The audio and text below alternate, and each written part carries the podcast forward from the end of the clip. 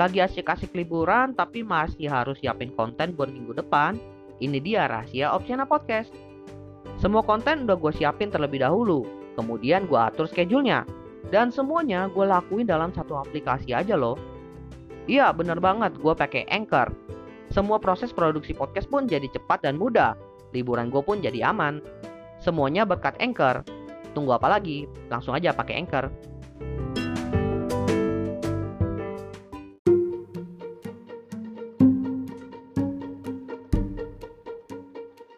Selamat datang di Tutup 2022.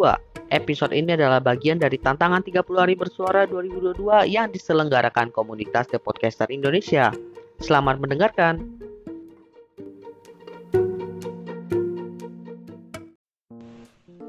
Mental health di dunia kerja. Nah, ini adalah salah satu topik yang tahun ini bisa dibilang topiknya itu mulai naik ke permukaan. Di mana memang di zaman dulu itu di dunia kerja topik mental health ini adalah topik yang jarang sekali dibahas bahkan nggak pernah. Paling yang cukup umum ya kalau stres ya tinggal cuti. Kalau cuti yang ngapain ya istirahat jalan-jalan bareng keluarga. Lebih ke situ. Sedangkan topik mental health yang dibawa saat ini berhubungan dengan bagaimana perlakuan sesama kolega di kantor lalu ada juga terkait beban kerja lalu ada juga jam kerja yang tentunya menjadi concern dari pekerja kantoran masa kini.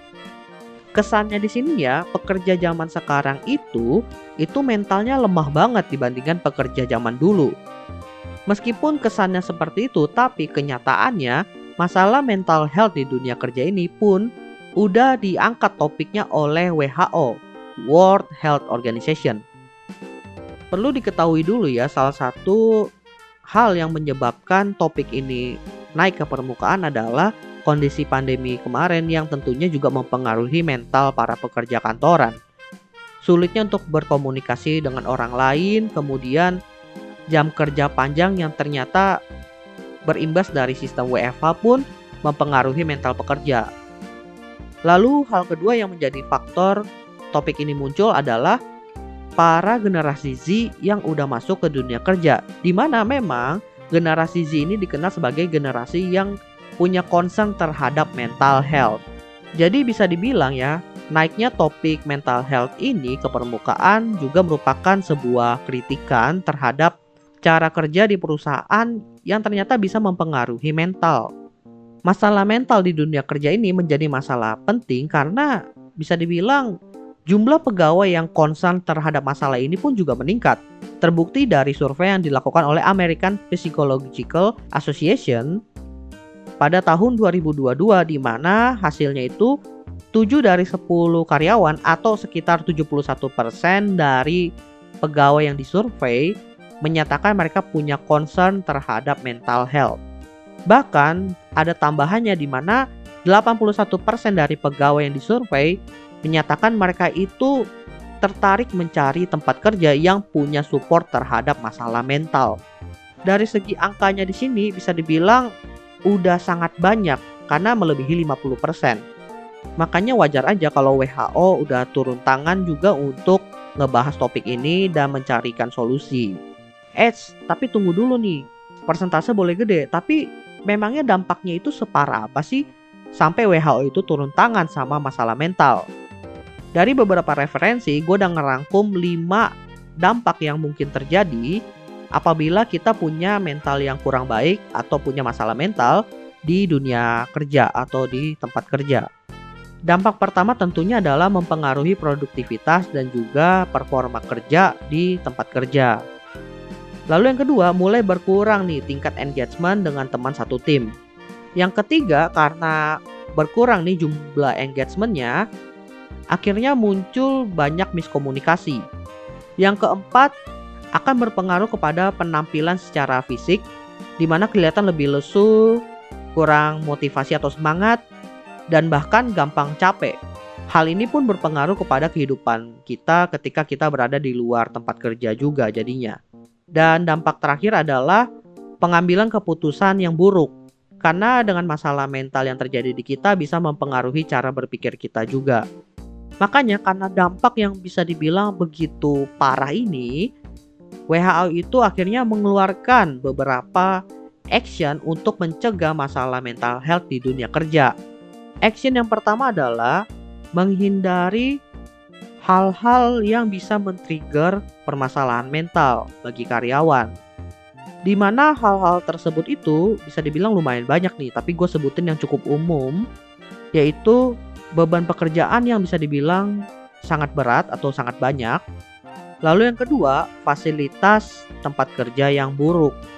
Lalu yang ketiga, kurangnya support dari kolega dan juga manajer atau supervisor. Yang keempat, kekerasan, pelecehan dan juga bullying. Lalu yang kelima itu diskriminasi. Yang keenam, job desk yang tidak jelas. Yang ketujuh, masalah promosi atau naik jabatan. Dan yang kedelapan, masalah job insecurity. Hal ini terkait e, bayaran atau gaji dan juga masalah karir development di sana. Itu beberapa hal yang bisa mempengaruhi mental karyawan atau pekerja. Lanjut ke action kedua yang dilakukan oleh WHO adalah melindungi dan mempromosikan mental health di tempat kerja. Di mana cara yang dilakukan oleh WHO ini adalah dengan men-encourage training terkait mental health, di mana ada tiga jenis training yang digarisbawahi di sini yaitu training mental health untuk manajer. Tujuannya agar manajer itu bisa mengetahui mana karyawan atau bawahan dia yang punya masalah mental sehingga bisa dibantu. Lalu training yang kedua untuk para pekerjanya, hal ini lebih terkait literasi masalah mental dan juga awarenessnya. Dan training ketiga ini adalah intervention for individual. Artinya ngebangun sebuah skill bagi para pekerja untuk memanage stres dan mengurangi masalah mental. Lanjut ke action ketiga yang dilakukan oleh WHO adalah men-encourage tempat kerja untuk memberikan support kepada karyawan atau pekerja yang punya masalah mental. Ada tiga poin yang digarisbawahi di sini. Yang pertama itu adalah masalah akomodasi untuk orang-orang yang memang punya masalah mental. Misalnya, seperti jam kerja yang jauh lebih fleksibel, kemudian cuti khusus bagi orang yang punya masalah mental dan juga ada supportive meeting yang dilakukan secara reguler bersama dengan supervisor.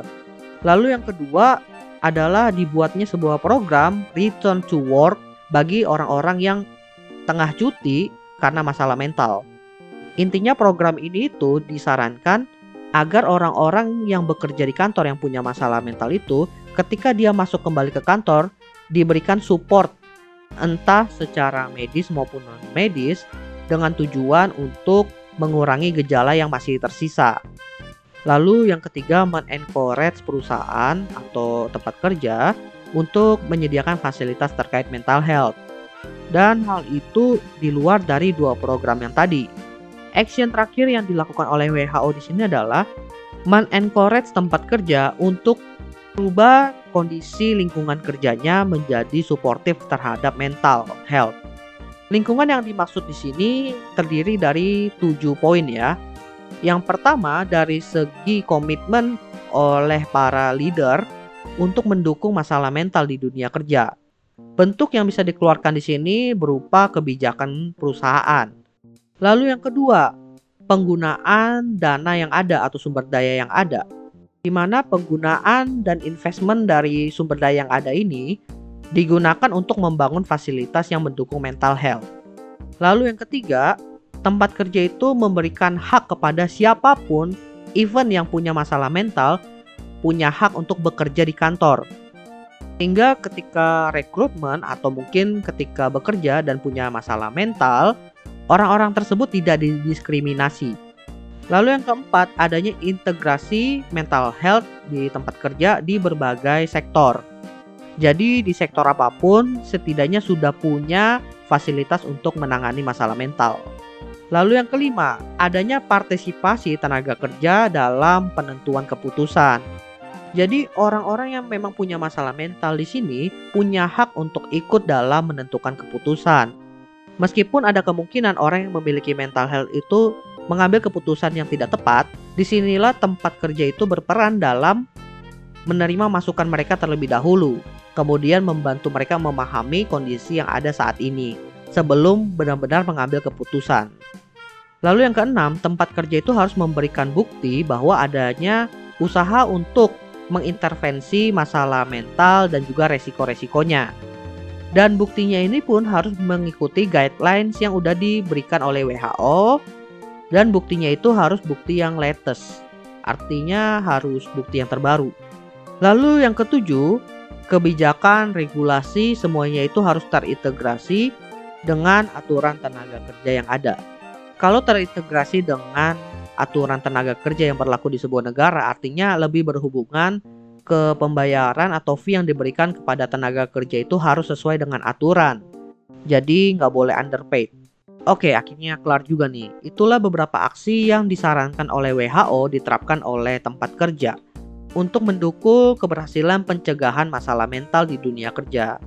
Perlu digarisbawahi di sini bahwa tempat kerja yang dimaksud di sini bukan cuma perusahaan swasta ya, tapi semuanya dari lingkungan pemerintah, dari lingkungan perusahaan, dari lingkungan UMKM sebaiknya menerapkan hal ini. Karena balik lagi, tempat kerja seperti apa pun bisa menghasilkan resiko yang mempengaruhi mental health seseorang. Oke, jadi itulah pembahasan terkait mental health di dunia kerja yang memang belakangan ini lagi marak dibahas. Semoga guidelines yang diberikan oleh WHO ini dapat diterapkan dengan baik oleh berbagai pihak, sehingga jumlah masalah mental yang terjadi di dunia kerja pun ikut berkurang. Nah, balik lagi ya, meskipun kita bahasnya mental health di dunia kerja, tapi ujung-ujungnya masalah mental ini akan mempengaruhi semua aspek kehidupan dari orang yang mengalami masalah mental. Sehingga kita sebagai orang yang ibaratnya secara mental lebih sehat, kita perlu berubah, kita perlu lebih suportif kepada teman-teman kita yang memang mengalami masalah tersebut. Jadi ya, be suportif dan jangan diskriminatif. Oke, gua rasa itu aja yang pengen gue bahas di episode kali ini. Thank you buat teman-teman yang sudah mendengarkan. See you next time di Opsiana Podcast tutup 2022 lainnya. Thank you semuanya, bye.